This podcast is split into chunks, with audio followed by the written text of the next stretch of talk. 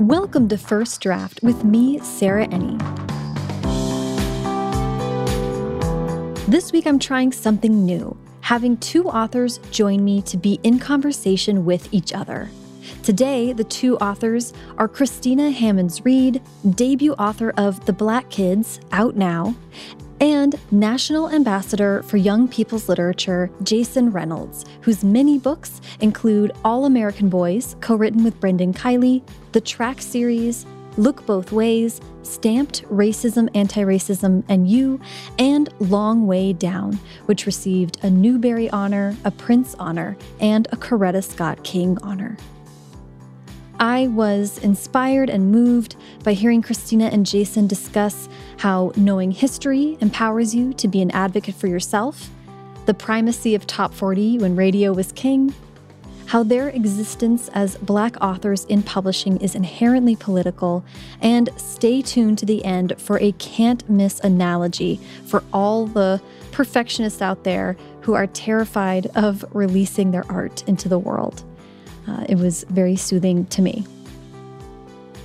Everything Christina and Jason and I talk about in today's episode can be found in the show notes. First Draft participates in affiliate programs, specifically with bookshop.org.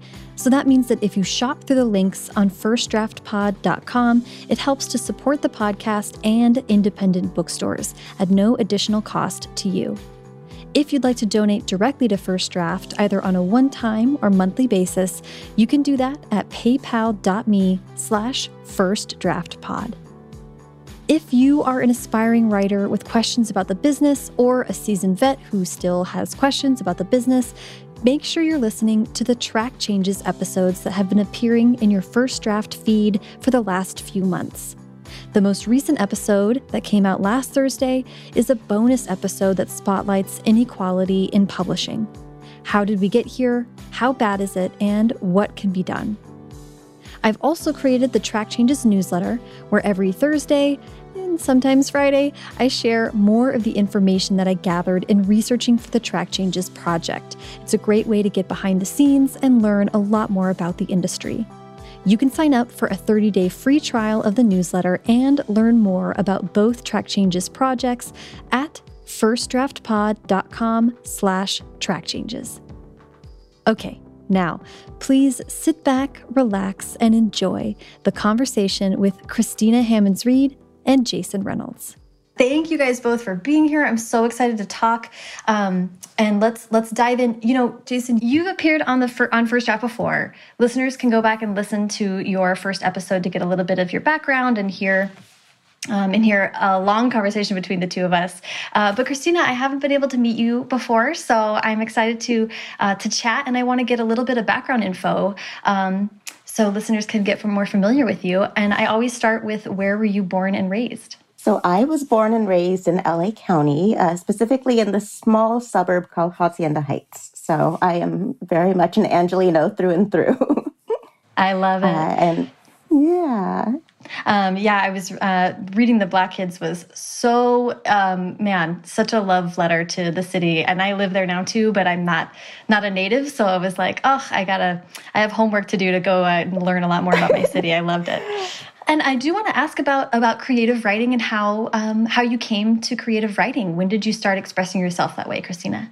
So it's funny because I feel like I've always been doing it, like ever since I was a really little kid. I have a mom who is an educator, and so we were always like fully immersed in books. And from as soon as I can remember, or the earliest I can remember, rather, um, I was writing in journals, and the teacher would say, like, write a short story. And then I'd turn in like a 20 page short story as opposed to a five page short story. Um, and I loved it. But as I got through school, there was this idea that like the smart kids went into medicine or they went into law or they went into engineering. And so I entered college pre med, which was an absolute disaster because I took an honors chem class and they just like obliterated me. I was like, what am I doing? I don't like this. I'm not great at it. I want to study English. And I actually studied English with a creative writing emphasis and political science because I kind of liked meshing those two worlds together, how the political process operates and how government does or does not serve the people, and writing, um, which kind of sort of is how the Black Kids came together in some ways too. Um, and then after that, uh, my senior year of college, I was kind of like, I don't know, should I go to an MFA program? Maybe that's not practical. And I think I was still kind of straddling should I do something practical or not so practical? Um, so I took a year off and I worked at this law firm that was just horrendous in Beverly Hills. um, yeah, it was not the most pleasant experience, but on my lunch breaks, I would go and write. And uh, through that, I actually wrote a short story that wound up getting published. Um, I think it was that year or the year after that. And then I went and decided, okay, I really love writing, but maybe film in LA is more practical because LA is such a film industry. I was like, well, that's the industry that's around us. And there's like a way where you can go and connect to so many different kinds of people with film. So I was like, okay, I'll go to film school and study that and see if that's like an avenue I wanted to pursue. Um, and I loved screenwriting. I loved film school. I worked in the industry for a little bit after I got out, but then I grew really, really frustrated with it. Um, I think it's a really difficult industry to be especially a young Black woman when I was doing it. This was about a decade ago or so. And so I was like, I don't want to deal with this right now. Let me just take a break and go back to my first love, which was fiction. And I wrote the short story that ended up being The Black Kids, and that wound up in one teen story. And then that's how I connected with my agent, who was like, Have you thought about crafting this as a novel? I was like, I don't know. And here we are. it obviously took. yeah, um, it was like it worked out okay. Yeah, and and I have to say, Christina, I'm I'm a big researcher before I do these interviews. It was a little bit you made it a challenge for me uh, to find stuff about your background. You are admirably offline. so I am such a private person. This is like a new thing for me, not being like a super duper private person, but yeah, there's like a few things here and there on the internet, but for the most part, I tried to shy away from social media for a while just to for my own mental health. I was like, I don't need that. but I can say that I found it to be such a welcoming place now that I've joined it in very specific ways. Like, I think Instagram is like the way I can handle Twitter, maybe not so much, but I think certain formats are a little bit more toxic than others. Yes, I, I Am think I uh, like that? I, uh, well, he, this, I feel yes, I'm very much am with you on that. So um, I was like, oh, good, she's she's not subjecting herself to all this madness.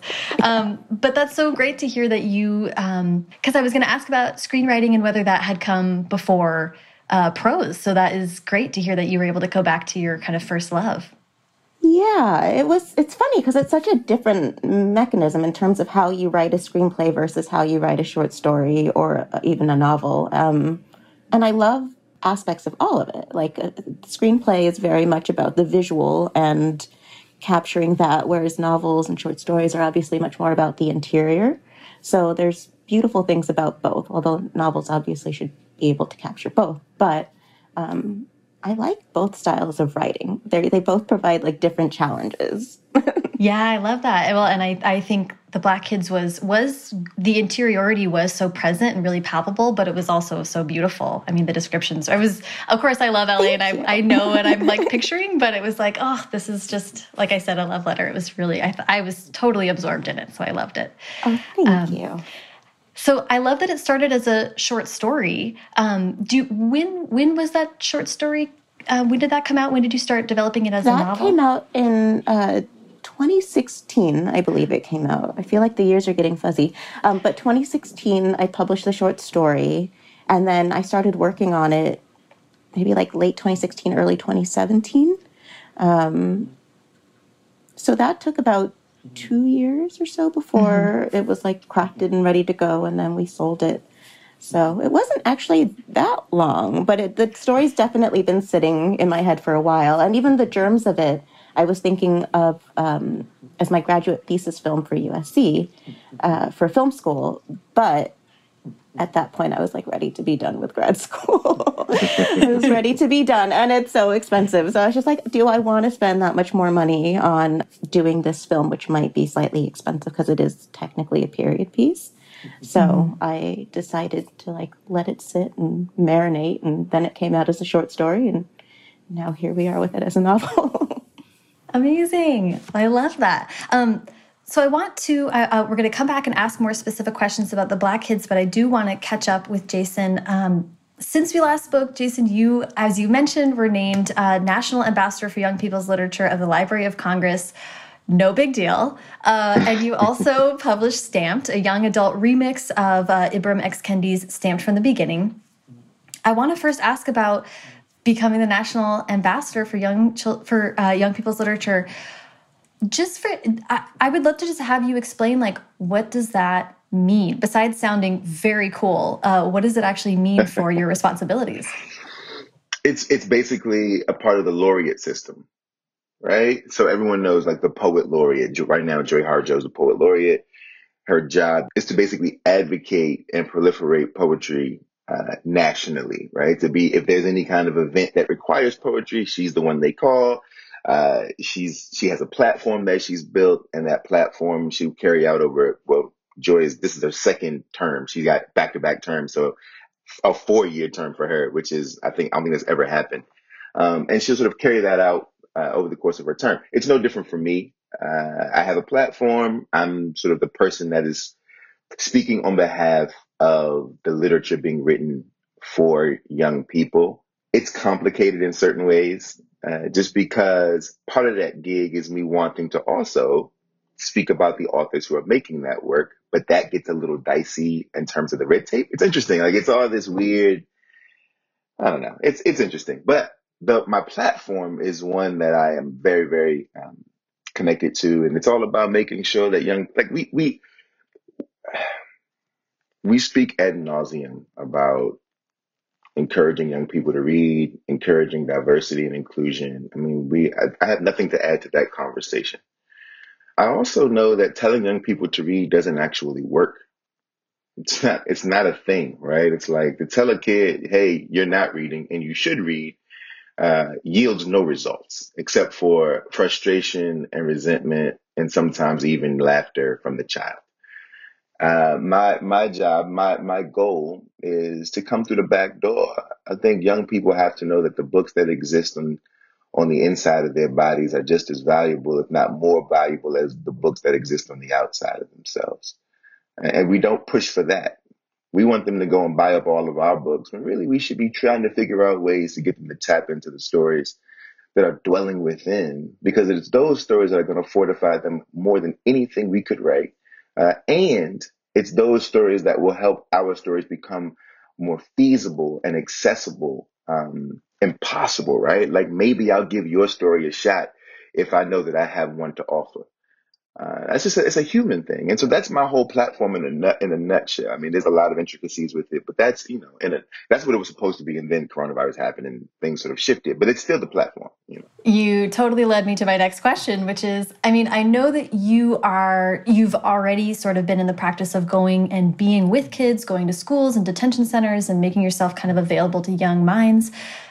And then this platform kind of gives you this whole other level of boost. And, and I'd love to hear kind of what you had imagined doing with that and what you're able to do now. I mean, I, for one, am on Instagram, seeing you be on Instagram Live with the kids every day, or just about, which is incredible. But yeah. I'd love to hear about how you've adapted. I mean, the original goal, I was supposed to do a bunch of traveling, like I'm always doing, as you know. Um, but we were going to do a tour. We were going to tour every season and I was going to do all this middle of America work because I wanted to focus on the middle of America and rural towns, small town America. Because I think city folk, you know, those who have the least uh, amongst us in the city have twice as much as those who have the same amount in the middle of Arkansas, right? And that's just a reality, right? City life can be brutal. Don't get me wrong. We all, those of us who grew up or live in cities, we know that city life can be brutal, but we can, we also know, especially East Coasters, we also can walk to the YMCA. We can walk to the library. We can walk to the corner store. We can, you know what I mean? But if you're living in the middle of nowhere, it's a lot. It, it, destitution is different. And we, we, I think city folk and, and coastal folk can be a little arrogant when it comes to the way that we talk about the lives of our fellow brothers and sisters who are living in smaller towns, especially smaller towns in the middle of the country, the, the quote unquote uh, flyover, which in and of itself is the most derogatory, condescending term for anyone to ever say. That being said, because of the coronavirus, that can't happen right now. I mean, hope I mean it's a two year term, so hopefully next year I can still do all the traveling and make it happen. I have wonderful partners on board and all kinds of cool things that I had planned that we will make happen one way or another.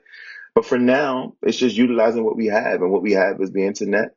Um, and I ain't never been scared of no kids, and I, I'm with it. You know what I mean? So if it's if it's logging on Instagram and going live with the shorties, then that's what it's going to be. Uh, and I'll do that as often as I can, and I'll create whatever platforms and and and and uh, you know new sort of archetypes and things to use to, to engage with them, whatever whatever it takes. Like I think we got to remember that in these kinds of moments, we got to stretch out. If you say you are who you are, if you say you about what you about, let's see, right? We got to stretch out, and that's what this is. Yeah, I love that. Um, and you know, I don't know, I, I can't think of anyone better equipped to uh, kind of roll with all the changes and keep. You know, you've always been single minded about this kind of thing, so just I was like, okay, well, if anyone's gonna gonna handle this, uh, it's gonna be Jason. Okay, I want to ask about. Uh, I want to kind of bring. Uh, Christina, bring you into this conversation and, and ask a little bit about Stamped and the Black Kids, especially because reading them both back to back I mean, it was just so interesting to. It, I mean, it it's full of history, right? Both of your books are are full of history, and and um, and yet they're not. They're really the stories that they are. You you went into. Uh, you know, I'll, let me phrase this as a question. I'd love to hear how you both balanced history and needing to contextualize things and like explain what's going on while also having this sort of authorial, larger message, like an emotional message that you wanted to convey, how did you kind of balance what you needed to do with history versus what you were trying to achieve as an artist in those books? Mm, that's a good question, Sarah. Christina, since you knew here, you, you get you get the honors. Oh, okay. this, is that be, how it this is? Would be, this would be a hazing. oh, oh man. So I think for me, when I first started the book, I was thinking of history as a mirror, holding up a mirror to the present. Like I really thought that this particular moment in history spoke to the present in um, a meaningful way, and it was part of like an ongoing, longer conversation that we should always be having about how the events of the past impact um, our present. And then, of course, now we're finding that history is our present. But as somebody who has always loved history, I think there's so much to be mined there and understanding the Black experience in our country. Um, and I think so many people don't know that history because history isn't taught in schools. A lot of stuff that I learned wasn't until I was in college or I had to seek it out on my own.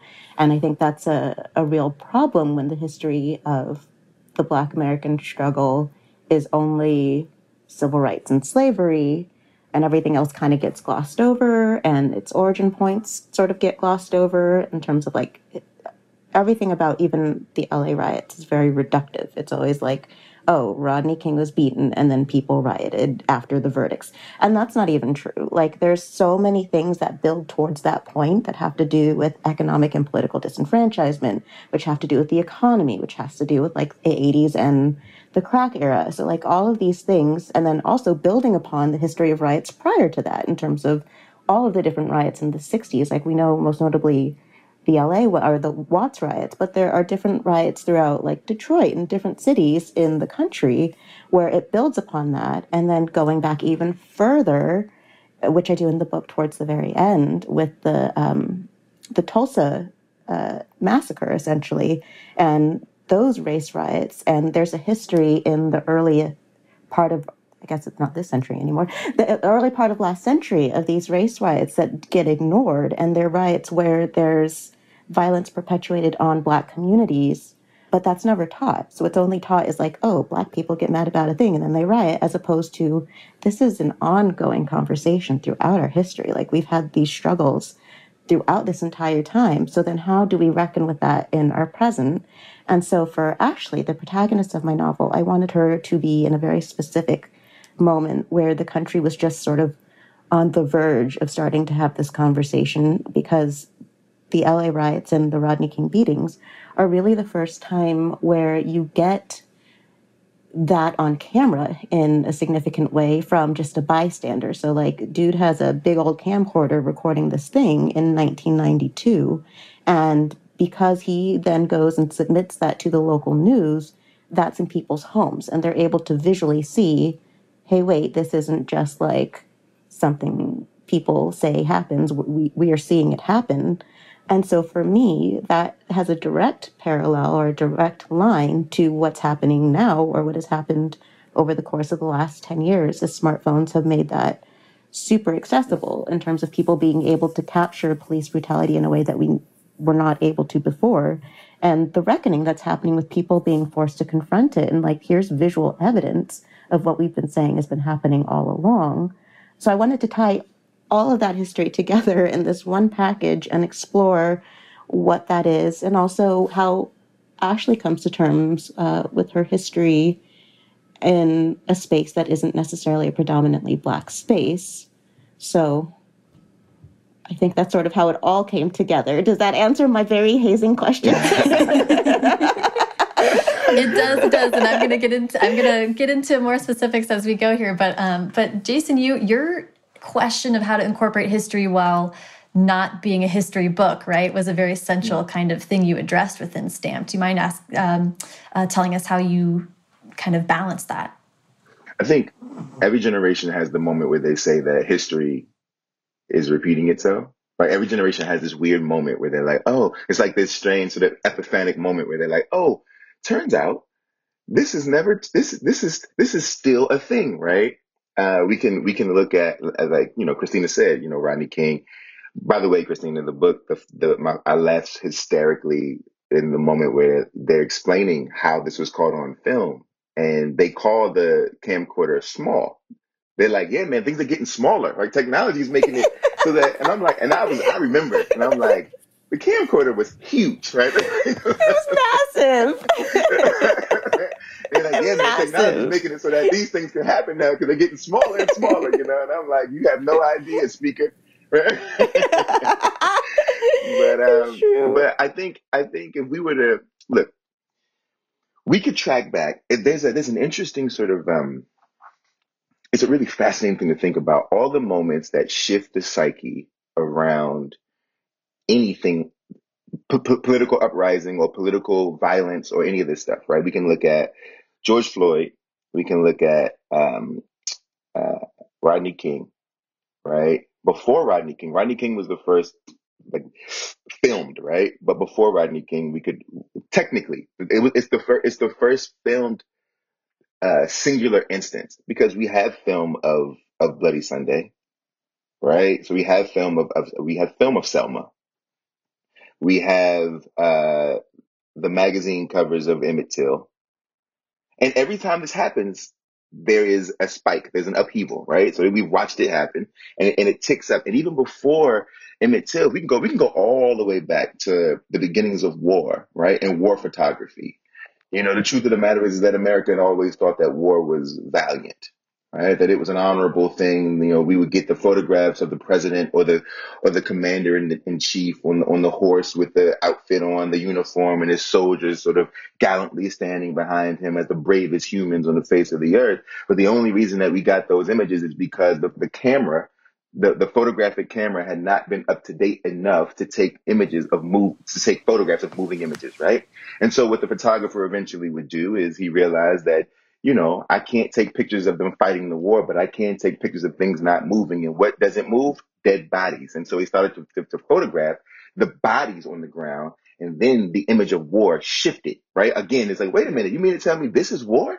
I thought war was trotting into, you know, the, us on the, with the staff and, and, and the hats and this, and the third. You mean to tell me that war is, is, is hell? Right? and it shifted, right? And so and so we've seen it happen over and over again. And so when I say it's not a history book, I mean it's not a history. I mean this is perennial. This is something. This is a this is a part of our bloodline, right? It's genetic. It's it's in the genetics of the country. So to call it history is to call it something of the past. To call it something that that is that is that is perhaps defunct, right? But really, it's it's as American as racism and and and that's sort of what what what it is and in terms of like the other part of your question which is putting like how do you tell a talk about history without sort of oh, and sort of inserting oneself or pushing a certain kind of thing, that, that's also not new. The truth of the matter is that all history is pushing a, a specific thing. That's the problem, right? And so really what I'm doing is trying to self-correct. This is this is sort of saying like, look, we the pendulum. I'm trying to push the pendulum back toward the middle. All the history we've ever read has been has been filtered through a particular POV. This idea that it's been like, nah, nah, nah. it's it's completely sort of you know, that, that it's like this objective history and that we're just stating the facts. It's always been fallacy. That's not true. It's not true. And so now what I'm saying is, look, I'm gonna go ahead and tell you some truth. And yeah, there's gonna be some of me in there. Basically saying, look, we I'm I'm I hope that I'm pushing you toward this way, right? I'm not even gonna pretend like I don't want that. I do. The stakes are too high to even pretend that, that that's an option that or that it's not an option, right? I'm pushing you toward this way intentionally, and I don't feel no way about it. I hope they teach it in every school in the world. um, yeah, that, I mean, it was also it was also, you know. Uh, fun might not be the right word, but it was fun to read. You know, I, I was hearing your voice saying it, and it was very, uh, it was like hearing history told by a friend, um, which after hearing you talk about, you know, kids don't want to be told to read, kids don't want to be told like uh, learn your history. You know, it just felt like an appropriate Jason approach to history. You know what I hope? What I hope, honestly, like the success of Stamped is awesome, and I hope it gets kids talking and thinking about these things. I really do. More so than that, though, I hope it changes the entire paradigm of what it is to be a textbook. I really, really think that we have missed the boat in terms of engaging young people when it comes to learning because young people have changed. Their stimuli has changed. So we're going to have to do something else to actually keep them rooted and grounded in the educational learning process, right? So the textbooks giving out flat, flat information, flat knowledge, right? Like this equals this, this equals this. Here goes your worksheet. Here goes your review questions. Answer these questions based on. It's going to require something else and I'm hoping that people see perhaps Stamp could be leading the charge to revamp what it is to use what, what a textbook is. Um, could you imagine? It, it, really might be an incredible, uh, revolutionary thing when it comes to the educational system. Well, it was certainly easier to remember things when I was hearing it like someone was telling me a story. You know, everyone learns differently, but I was like, I think I'll remember more from this book than I than I remember from the books that I read in high school. Um, I want to ask Christina about the other way that you incorporated history in the Black Kids was music. Oh my gosh, uh, a playlist of this book would be like a dream. um, I'd love to hear about how you decided to incorporate the music, or what what uh, what was the impulse to weave it through the story so so intimately. Well, I feel like music is such an important part of our childhood, specifically because we're taking in so much at that time. Like as you get older, perhaps you sort of settle into like your artist that you really love and you try new things, but not as much as when you're young, where you were just like absorbing everything and listening to everything. Um, and so I wanted to capture what that's like when you're a teenager and just sort of all of that is always around you. But also, it's so important to setting. Like, as soon as you hear certain songs, it bears you back to wherever you were when you first heard that song or whatever really crazy moment you had with that song in the background. So I wanted to have that for Ashley's um, progression. And, and a lot of the songs actually do reflect that in certain ways in terms of how she views the world and how her friends are viewing the world, and then how that shifts and I also wanted to incorporate the music of our parents' generation because I think that for like for my childhood, there was so many different sounds from previous generations, and black music really builds upon those sounds. Like hip hop is sampling music from the 70s, 60s, whenever, right? And so that's building on the tradition before that. And so I think it's kind of um, very similar to what I wanted to do narratively with building upon the riots and uh, the race wars or the race massacre rather in Tulsa and what it means to have that history of music throughout this book too. But also it's just really fun. I really love incorporating music just because I feel like it's so it's so important to setting and like I think of things as almost a soundtrack while I'm writing. So I wanted to sort of play with that and have fun with that and just sort of reflect on the music that I enjoyed when I was younger. I was significantly younger than Ashley is because I was eight in 1992. I just turned eight actually when the riots happened. So obviously my musical cues were a little different than hers, but there's still so much love for that era in my heart. and I wanted to reflect that in the pages. It was super cool. I, I remember when I was reading, I was it was so interesting to think back about. And I, I have a little brother who's 18, and so he's having a very different experience than my older siblings and I. But uh, I we we we laugh a lot about how one back then top 40 was everything. So like every like that those 40 songs Yes. could be they were all over the place and you could Right. hear you could hear you know uh, something like a Tribe Called Quest on the radio, and then the next song could be Sinead O'Connor, it could be Madonna, yes. you know, it could be Sir Mix-a-Lot, right? And then like and it was just sort of like you know, like all right, this is all of it's going to be. It, it was cool, and then the other thing was was thinking about our parents' music. It's so interesting to think back, and I was this is my little brother. I was telling him he's a musician, and we were having this conversation, and I was saying, you know, we didn't have uh like we had Walkman and stuff like that, but there wasn't anything to shut out the world. There was nothing that existed to shut out the world. You couldn't put earbuds in. So if you were in the car, whatever your mama was listening to is what you were Yes. listening because there was nothing because you couldn't say like let me just put my own ear. That was not a thing, right? Right. And I, and I think because of that, we were able to get a broader sort of view uh, and, and, and could kind of merge the generations in terms of our musical tastes, which is I'm so glad she put that in the book. I was like, that's awesome.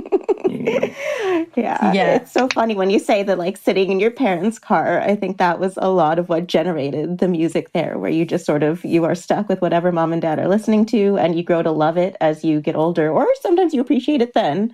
But there was for me a real sense of like enjoying it as I got older and being like, this is really incredible music, right? Yeah, and, and black folks, you know, black folks, we got, you know, and maybe Sarah, I don't know, y'all might have it too, but I know black folks, we got house clean Sunday is house cleaning music, and so you know, and it's specific. It's like it's somewhere around the seventies. Your mama gonna put on either you listening to Earth, Wind and Fire, Anita Baker, Frankie Beverly, like. It's like, and it's just like that's how you know this is the day you cleaning the house. Like all the kids, you, you wake up and you're like, the house cleaning music is on. We cleaning the house today. Like that's that's what it is. And when the music go off, we done. But if the music is on, we supposed to still be clean. And that's it's like a thing. I don't know who started that. I don't, but it's like a thing, you know. And, and look, this is a broad brush, but because a lot of us grew up in houses where there was they were house it was house cleaning music, you know.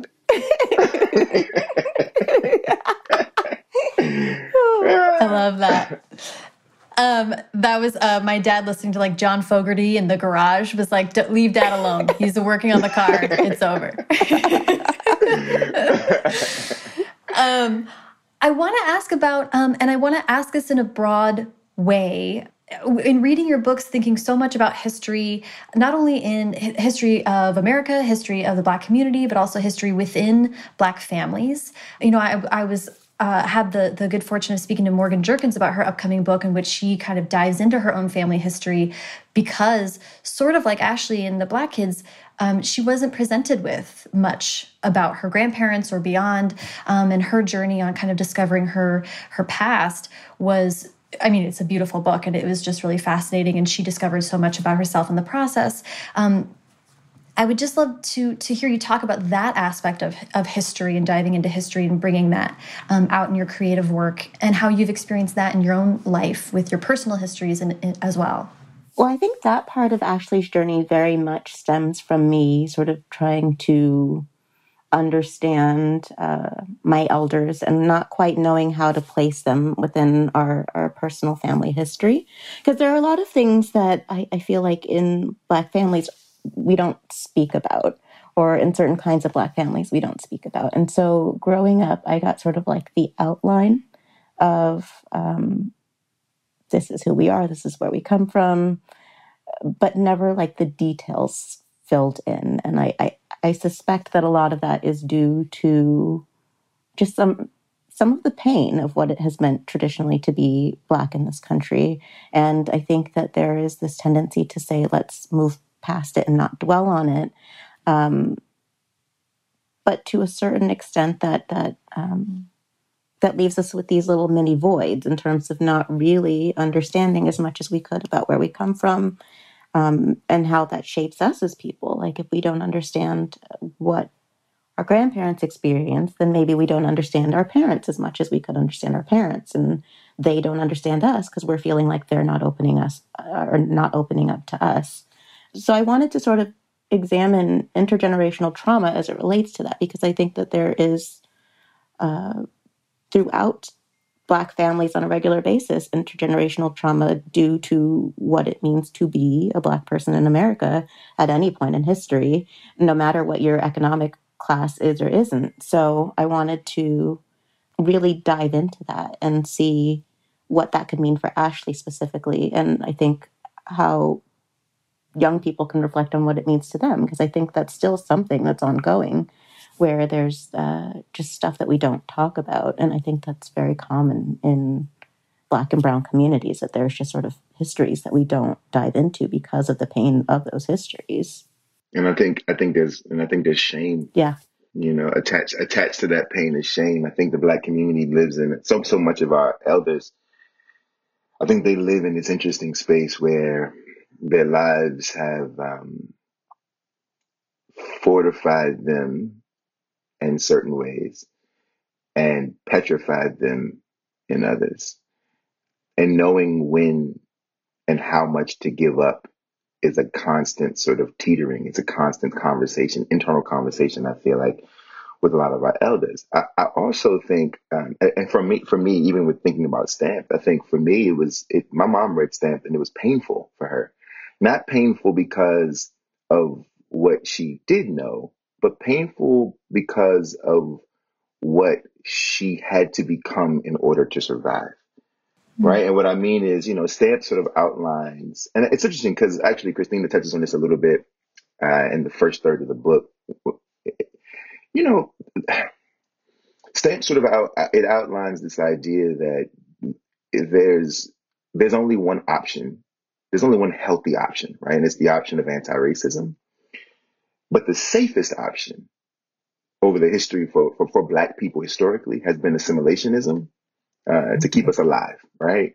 But the issue with assimilationism is that it's poisonous, um, uh, right? So it's, so it's an interesting thing. It's like taking, it's like, you know, taking ibuprofen, even though it's killing your liver, right? So it kills the headache and it kills the joint pain, but it also is, is literally devastating your liver, right?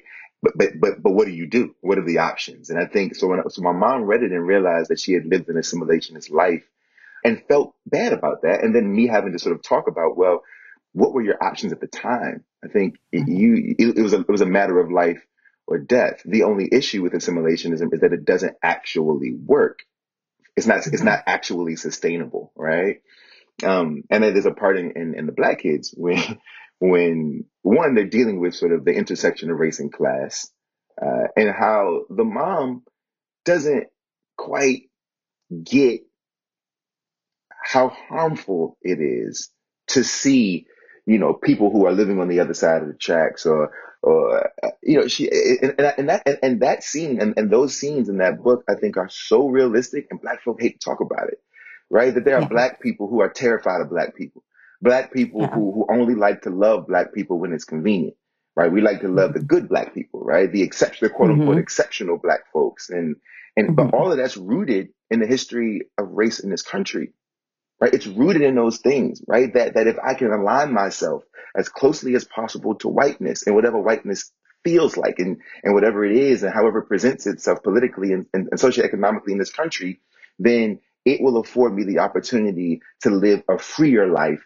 and one that is distant mm-hmm. from those who are further away from whiteness, even though that black and my black are the same black, right? And it's a, it's a fascinating, but all of that's rooted in the history. And so I think when it comes to the family dynamic, that's been interesting for my mom to sort of suss through, and even for me, right? Gut checks where it's like, where it's like, all right, I know, I know who I am. I am who I am every day of my life. And then there are moments where I got to ask myself, how much of it is you and how much of it is performative to fight against the thing that they think you are or the thing that they think you should be for that matter. Mm-hmm. Right. So we're always in this constant struggle and battle of like, how can I just be myself all the time? White folk come in the room and I got to let them know that, that, that I don't care they in the room. Well, the moment I do that, I've played into the game. I just got to mm-hmm. be me all the time, no matter what. And that's really difficult when you're a black person in this country. It's fascinating. Yeah. It's the constant Even code codes. switching, right? It, It's, I was yeah. gonna say even the codes, right? And thinking Yeah, about, co- and I don't excuse me to cut you off, but even thinking about codes, right? Because your book made me think about this too.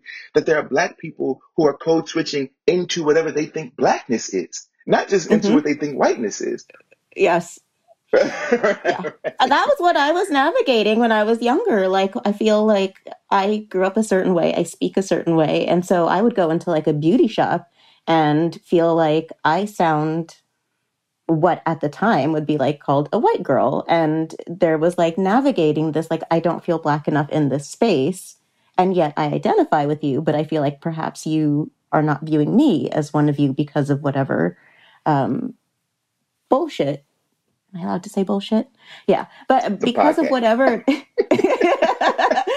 because of whatever I've internalized about what blackness uh, is or isn't, and then it was a lot of decolonizing my own thought process as I got to college and I went to USC, which is in South LA, and is um, part of a there's a, a big black community at USC that is also still trying to navigate what it means to be in a predominantly white institution, but meeting different kinds of black people who came from various socioeconomic backgrounds or backgrounds closer to mine, um, and seeing that there was not one way to be black, and it was so counter to what my experience was growing up, where it was like, this is black and this is not black, and black people listen to this kind of music and black people don't listen to this. And it was never necessarily black people saying this to me, it was always white people or other people of color saying this because so much of our idea of blackness was governed by the media and by what people saw on television and said that that is what black people are.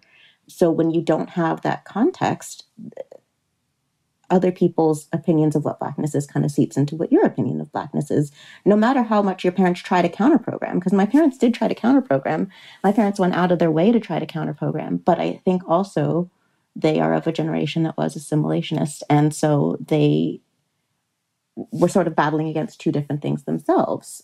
And so I think that was also kind of part of Ashley's journey. Um, because I, I I don't know that I'd ever really read anything like that, which was sort of a coming into your own blackness in that way and celebrating it as opposed to being the black person in a space where you felt it's almost like Ashley is a fish out of water in her own pond.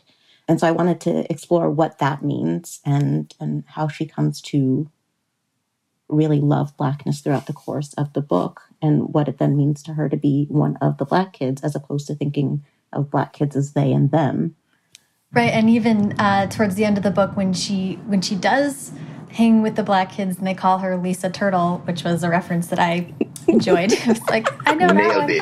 uh, I mean, it was very poignant. You know, she was there was never a time when she wasn't on some kind of, of tightrope. You know, and and you really feel for her in in all those moments of trying to find that balance. Um, I thought it was yeah, it was really, really well done. I, I, I want to ask uh, again. I, I've like said history so many times, so many times over this conversation, but I'm, I'm interested in you know, Jason, you came out with All American Boys with Brendan Kiely in 2015. Uh, uh, Christina, this book is about. that long ago. I know, I know. Uh, um, and Christina, you your book is about 1992, and as you just said, you've been writing it in some way, shape, or form since since 2016 or so. Uh, yet these books uh, and, and stamped for you, Jason, have come out and are happening in this moment that is so present. And we are talking about protests and we are having uh, systemic racist conversations, racism conversations. And so, you know, and, and this is a tough question because, like, it's wonderful to be able to speak so openly about your work and, and all of the the feelings and emotions and history behind them but it's all it's also tragic and and so upsetting to have it be so present. I mean, you know, this is it's a tough question. It's hard to even form a question, but whatever you guys have to say about the fact that your work is so um, immediate right now, I'd love to hear. I mean, the truth is, is uh, I wish I could tell you I was surprised, but I'm surprised. When we wrote All American Boys, I remember Brendan and I having a conversation, and he was like, "Yo, you know, this book is going to do okay because it's topical." And right now, at the time, it was it was sort of the first of that lot, right, coming out. And I remember it was all this controversy, yada yada yada yada yada. And then Angie came out, changed the world, right? And so, and then and Nic, and I mean, it was it, you know all this stuff started happening. But I remember he us talking about having conversations and Brendan being like, you know, there'll be something else. You know, the book will do okay, and hopefully it'll make it. It'll make a wave, and then, um, but there'll be there'll always be another topic to talk about. And I was like, mm, I don't know where you've been living, but this is this is not going away, bro. This is, uh, this has never gone away. This has been going on since America been America. So uh, this is this is always going to be uh, it's, it's evergreen in that way. And yes, that is a misfortune, but it's only look, it's a misfortune because of the lives that are being affected by it. But we have to just be honest about what it is, what it is America is, and who it is. Like we just had we have to really look at America in the face, right? It, it's like you go if you go into a jungle and and you happen upon a lion, and you're like, man, I did not know there was going to be a lion here. It's like, well, clearly you know nothing about the jungle, right? Like you, you clearly, and so and, and so I can't, and so I don't have sort of so, so the emotional the emotional sort of bubbling that you're that you're asking about. I don't have. I live in this body every day, every and it doesn't mean that it doesn't affect me. It doesn't mean that the that the deaths and the and the and the abuse uh, and the the way people talk about it's it affects me. Does it affect me the same? No. No, it's been my life forever. I've been through it with police officers. I know what it is to be handcuffed on the ground and have your car torn apart. I know what it is to see your friends get locked up for things that they didn't do. I know what it is to see your friends get their, their, their teeth kicked in. I've seen it over and over again since I was a young person.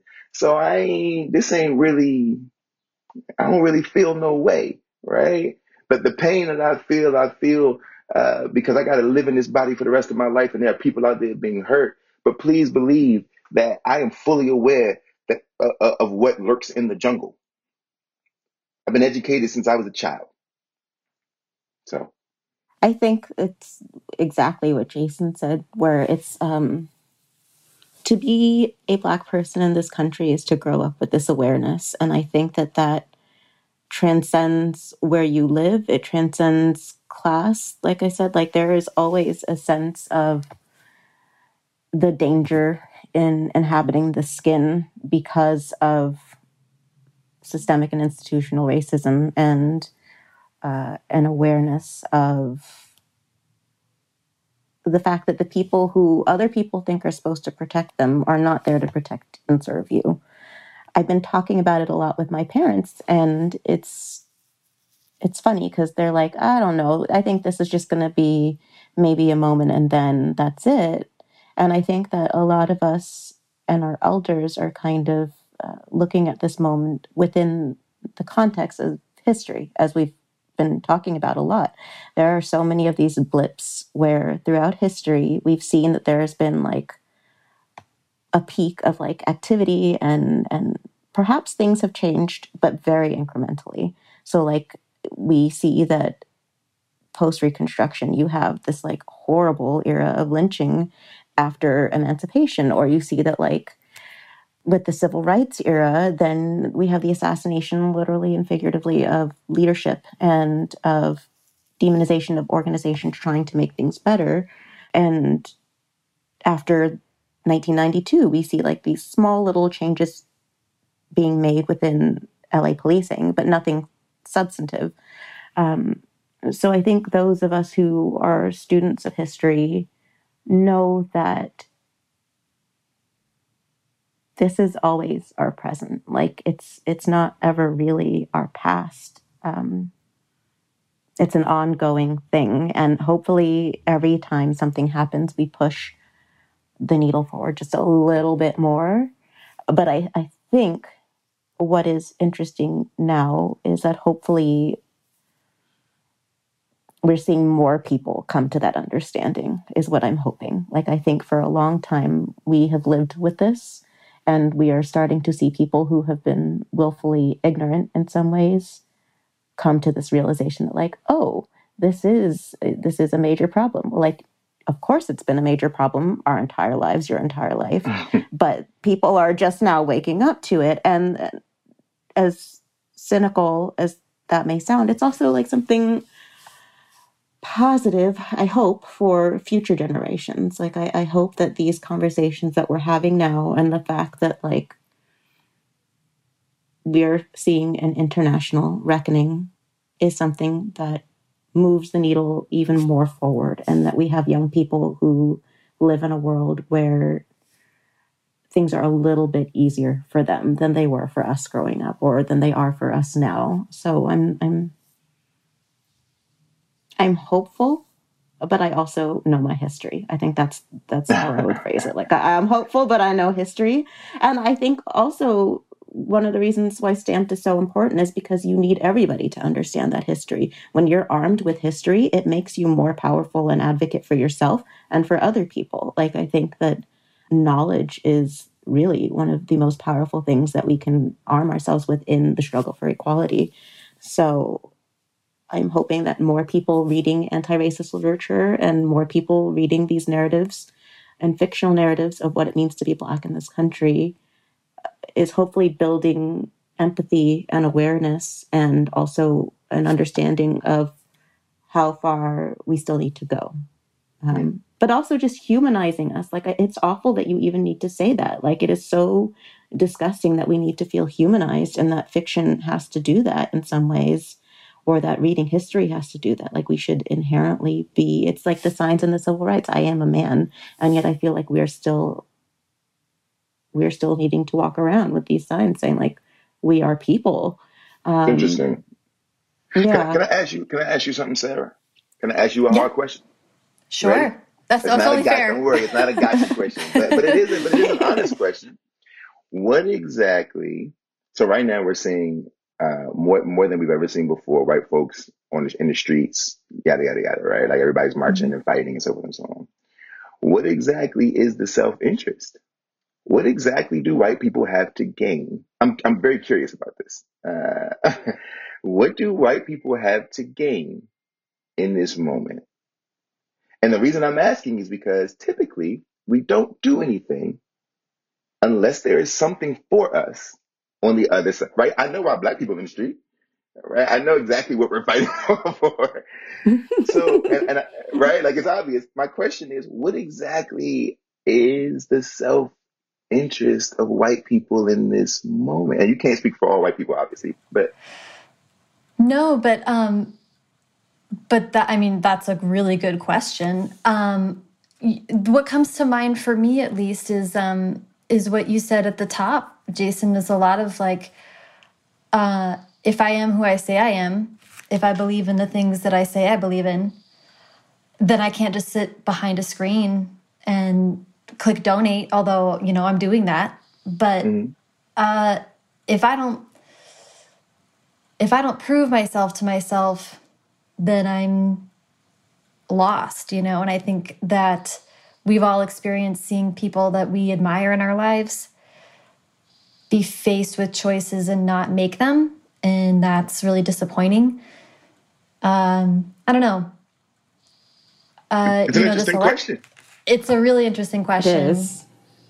And I think it's, I mean, listen, white people have a lot of self reflection to do, right? I think that we can agree on that. And it's odd, it's odd that white people who have spent so much time listening to their own stories still have like such little sense of I don't know who we are or what we're about. So there's a lot of conversations happening. You know, I can only speak for me and my family, but there's a lot of conversations happening and a lot of books being bought and read and discussed and and um, yeah, I don't know. For me, it, it it factors into class and feminism and all that stuff. It's like if I want the world to be different, then I need to participate in how it's becoming different, and hmm. Hopefully understand. I, I, I, I ask I ask you because I'm I'm actually really curious about it. I'm I'm honest. This is what I this is all I've been thinking about over the last six three three months. Is like what you know. I'm kind of like what is really and, and the reason why is because if you my my here's my fear. So first of all, I want to say it's it's good to see, right? This is awesome. Like let's get it, let's do it, right? We can't unified front is always going to be the way, right? That, that's just it's human, right? The more of us there are, the better chance we have. Period. Whatever your skin color is, as long as there's more bodies, then we have more pressure on the people to make the changes in the laws and policies. My fear uh, is that what I've seen happen, and because of history, My fear is that if, if your self interest is only in this moment to somehow absolve yourself of shame and guilt, then we are setting ourselves up for a far more harmful moment than we know. And this is something that I think we're, we, we, we're going to have to really kind of grapple with. If the only self interest, the only, I want to make sure this is a caveat, if the only, because that's what we do as human, right? Sympathy, sympathy only serves the ego of the sympathizer. It does nothing for, for the person that they're sympathizing with, right? It only serves the ego of the sympathizer. So if the self interest is, is just to feel better, right? Is to, right? For, for, it, because, then, because it is a self interest, right? So if the self interest is for you to be able to better sleep at night, knowing that today you've done a thing, I don't know how sustainable it is when it comes to actual shifting. And if they were talking about the love of our fellow man, the love of our fellow woman, the love of our fellow human, I don't know if that if if if sustainability can come without risk and sacrifice. And that's the part of the conversation we never want to have. In order for there to be equity, there's going to be a there's going to have to be a, a, a shifting to balance that thing out, which means there's going to be boardrooms where some white man going to have to get up out that seat. And that's mm-hmm. a very different conversation. You can put your slogan up on your TV screen. You can put your slogan up for your companies. But if you ain't willing to give up, give up that something because because change comes through power. It don't matter mm-hmm. if y'all like, nah, we love black stories until we get black publishers, until there's black people in the C-suite at Simon and Schuster and Random House divvying out them checks. Said, right, this this is a very real thing, and this isn't about you, Sarah. I just was asking you because you're the you're the white representative in this moment, right? but, but, but, I, but, I, but I didn't but I didn't want to let the, the podcast end without saying, like, if you can hear me and, and Christina have these conversations about what it means to be black and how we have to wear this and how we had we have to walk that line every single day, there's a line that y'all been walking too. And it's this line, right? The line that says either we're gonna go all the way and, and, and, and lay our bodies down, right? Complicate our lives a little bit. Or it's all lip service. And then the question, and then that begs the question what human chooses to complicate their lives? Right. Com- this is a tough, tough thing. Yeah. And this is why Christina and I have to say, we hope for the best, but we know history. Mm-hmm. Yeah, no, and I appreciate I, I appreciate the question. I appreciate the the laying that out, and that is like I'll be thinking about it and processing. That's all it. I ask. Yeah, that's that's, you know what? That's not a lot to ask. So I, I, totally. Um, we are a little bit over an hour. Can I? Is it okay if I ask a little bit about advice, um, and then we can wrap up after that? Yes, it's good with are me. Are you doing okay? Okay. Mm -hmm.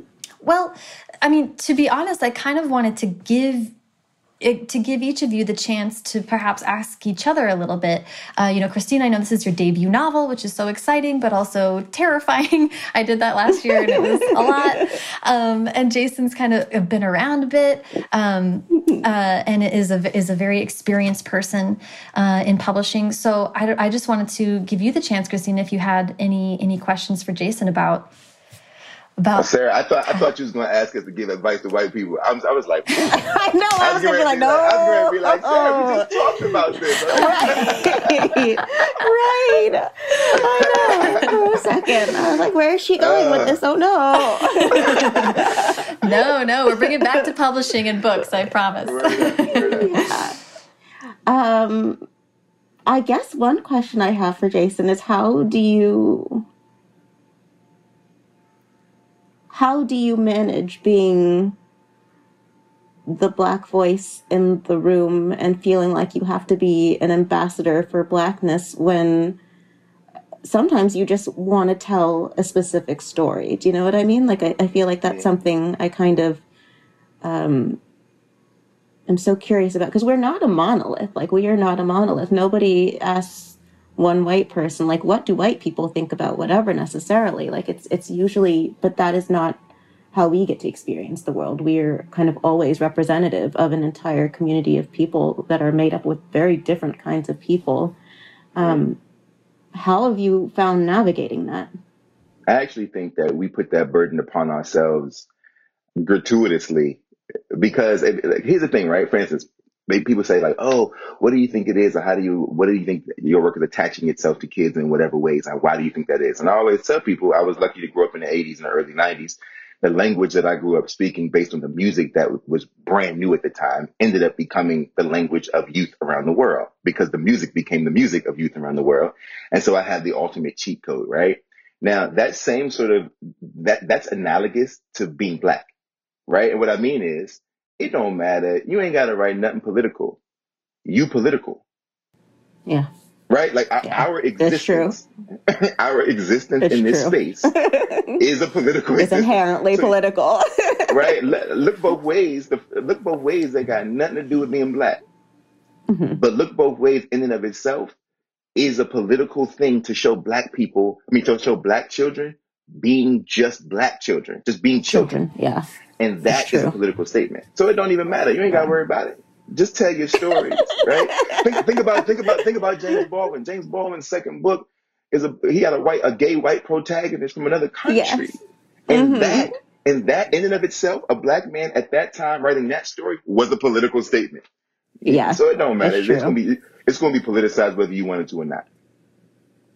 Yeah. So do so do what you want. So do what you want. You're like, do you? How does it feel? How does it feel for you? How does it feel? So I'm going to ask you a question. So here you are. There's a lot of buzz. There's a lot of buzz, and not to put the pressure on, but there's a lot of buzz. And I've been hit. You know, I get the. I have five of these books in my house, by the way, because everyone sends them to me. Right? They keep Oh my sending them. goodness. All right. I got I got arc after arc after arc. I, one Oh my came two days goodness. They, they get sent to me all the time. And so there's all this stuff. And so how do you feel? I mean, he, he- here it comes. Like, here you go. How do you feel? So here's what I know. I know it's not joy because I remember this feeling. It ain't joy. Yeah. That's not the. No, it, it's no. I, I. It's so many different things. It's so. Um, I want to say overwhelmed and terrified uh, are the are the accurate uh, words to use. I think in terms of you write stories, and especially with this first thing, you write it kind of. It just for me, I wrote it like in coffee shops or in my house, and there was no expectation on it, like whatsoever. I had zero expectation. I was just writing a story that I wanted to tell. And then you send it out into the world, and you're like, oh crap, it's like a real thing now. And especially since I've had, like you said, there's a lot of buzz. So there's a lot of expectation that comes with that buzz. I, when I wrote it, I wasn't anticipating. You hope for the best, but also you're like, oh, if, if it's just like this itty bitty thing that comes out and maybe I sell a few copies, at least I've written a book. And so with the with the expectation comes this fear of to a certain extent being misunderstood. I'm I'm a little afraid of the story being misunderstood. I think because the story is in a lot of ways uh, about an experience that isn't necessarily one that we've seen a lot of in in books so far. People expect it to be something it's not. Um, like it takes place during the LA riots, but Ashley is not.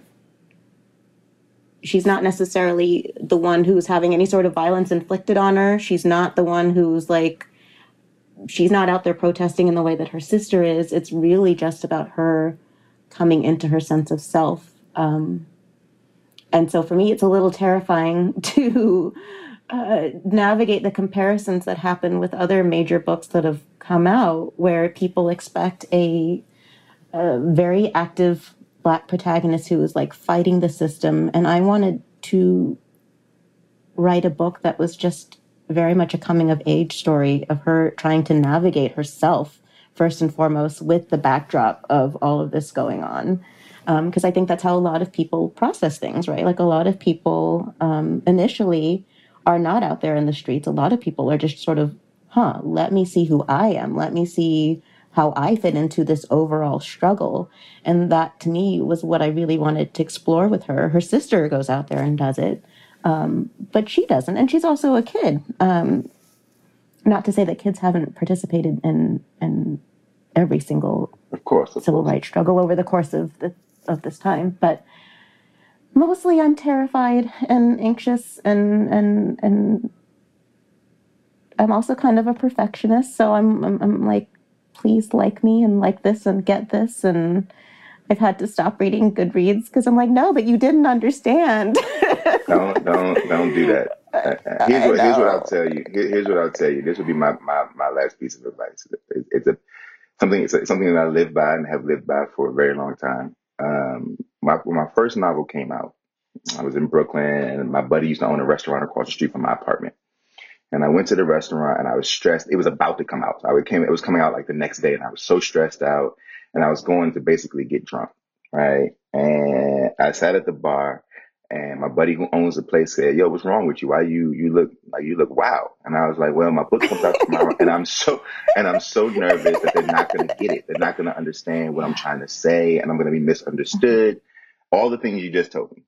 And his response was something that I have held dear forever, and I hope it works for you. And this is what he said. He said, "If somebody were to ask me, if somebody were to come into my restaurant and ask me to cook them the perfect meal." and gave me a day or two to do so, I would run up to the Bronx and I'd go to the butcher and I would get the perfect piece of cow cut as perfect steak. And I would come back and I'd go to the garden and I'd pick the perfect vegetables, maybe root vegetables to go with my steak, you know, some carrots, maybe a potato or two. Because then I'd go in the kitchen and I'd tenderize and I'd, I'd, I'd, um, you know, do all the things that one does with a steak. You know, I'd season the steak and I'd season the vegetables and I'd make sure everything was good. And then I'd cook the steak to the perfect temperature and I'd plate the food beautifully with a tablecloth and a candle. And if that person then cut into the steak and took a bite and did not like it, it's because they preferred fish, but not because I didn't cook a perfect mm. steak. And then I said, well, how do you know that you cooked a perfect steak? And he said, if it is what you intended it to be, then it is a perfect steak. All right. So if they if they if they don't if they don't get it, it's not because you didn't do your job. It's because their expectations were they wanted a different story. It ain't got nothing to do with you. They wanted a different story, and those stories exist for them to find. But what you made, if it is what you wanted to make, then you cooked the perfect steak, and you got to be okay with that. That's it. Feel me? That is really good advice. that is such good advice. Uh, I love that. And that's like, yeah, I mean, uh, uh, I felt the same way, Christina, last year when my book was coming out. It was like three months of a, of a very long therapy session of being like, what the heck is going to happen? So, yes. uh, it's, it's, a, I don't know if it makes it better, but it is a universal experience. So mm. that helps too, I think. It's like being part and, of the club, And your right? second and third and fourth, your second and third and fourth books too. It never oh, goes no. away. um, well, I can't, I can't tell you what a pleasure it was to talk to you guys this morning. I so appreciate your time. I loved both of your i mean jason i've read all your stuff for years um, but i loved Thanks, reading thanks, stamp and christina the black kids was so incredible. I'm thrilled for it to come out. I am not nervous at all about the black kids. I think it's wonderful. I can't wait to, to shout it out so. Jason, can Um, I just I- tell you, my mother texted me to be like, Jason, how was your conversation with Jason? Because I, I don't know if you saw on that conversation with Nic where my mom and I were watching you on, was it Kimmel or Fallon several years ago? Seth Seth Meyers probably. Seth, mm, yeah, I think that's what it was. And we were in New York at the time for one of my grandparents' funerals, but we were watching your your interview, and she's like, "Who's that kid? You should read all of his works. You should do what he's doing." So she's so excited. That's she's so excited. I'm talking to you. tell, tell mom I say what's up. Tell mom I say you, you made it. You did it. You know what I mean? I'll tell her that she's she's delighted. so I'm gonna come. I'm gonna come out to one of your signings if we can have signings at some point, and I'll make sure I I, can, so I, know. can give, so I can give mom a hug. You know what I'm talking about? I'd love that. For sure. Y'all Awesome. be good, Thank- man. thank you guys You so much have a wonderful rest of your day. Thank you. Thanks, All Sarah. Good to see you, Sarah. absolutely you too Thank you so much. Bye, you guys. Thank you so much to Christina and Jason. Follow Christina on Instagram at Christina Hammonds Reed and follow Jason on Twitter and Instagram at Jason Reynolds 83. You can follow me on both at Sarah Enni and the show at First Draft Pod. A quick and easy way you can support First Draft is by subscribing to the podcast wherever you're listening right now and leaving a rating or review. You can leave ratings and reviews anywhere you like, but it really does help when you leave them on Apple Podcasts. Um, there's a magic algorithm that boosts the show and gets it in front of new listeners, and it's uh, pretty quick and easy, and it makes a big difference. If you have writing or creativity questions that me and a future guest can tackle in an upcoming mailbag episode, please call and leave your question at First Draft's voicemail. That's at 818 533 1998 or you can record yourself asking a question and email the audio file to me at mailbag at firstdraftpod.com. Haley Hirschman produces First Draft, and today's episode was produced and sound designed by Callie Wright. The theme music is by Dan Bailey, and the logo was designed by Colin Keith. Thanks also to transcriptionist at large Julie Anderson. And as ever, thanks to you, house cleaning music aficionados, for listening.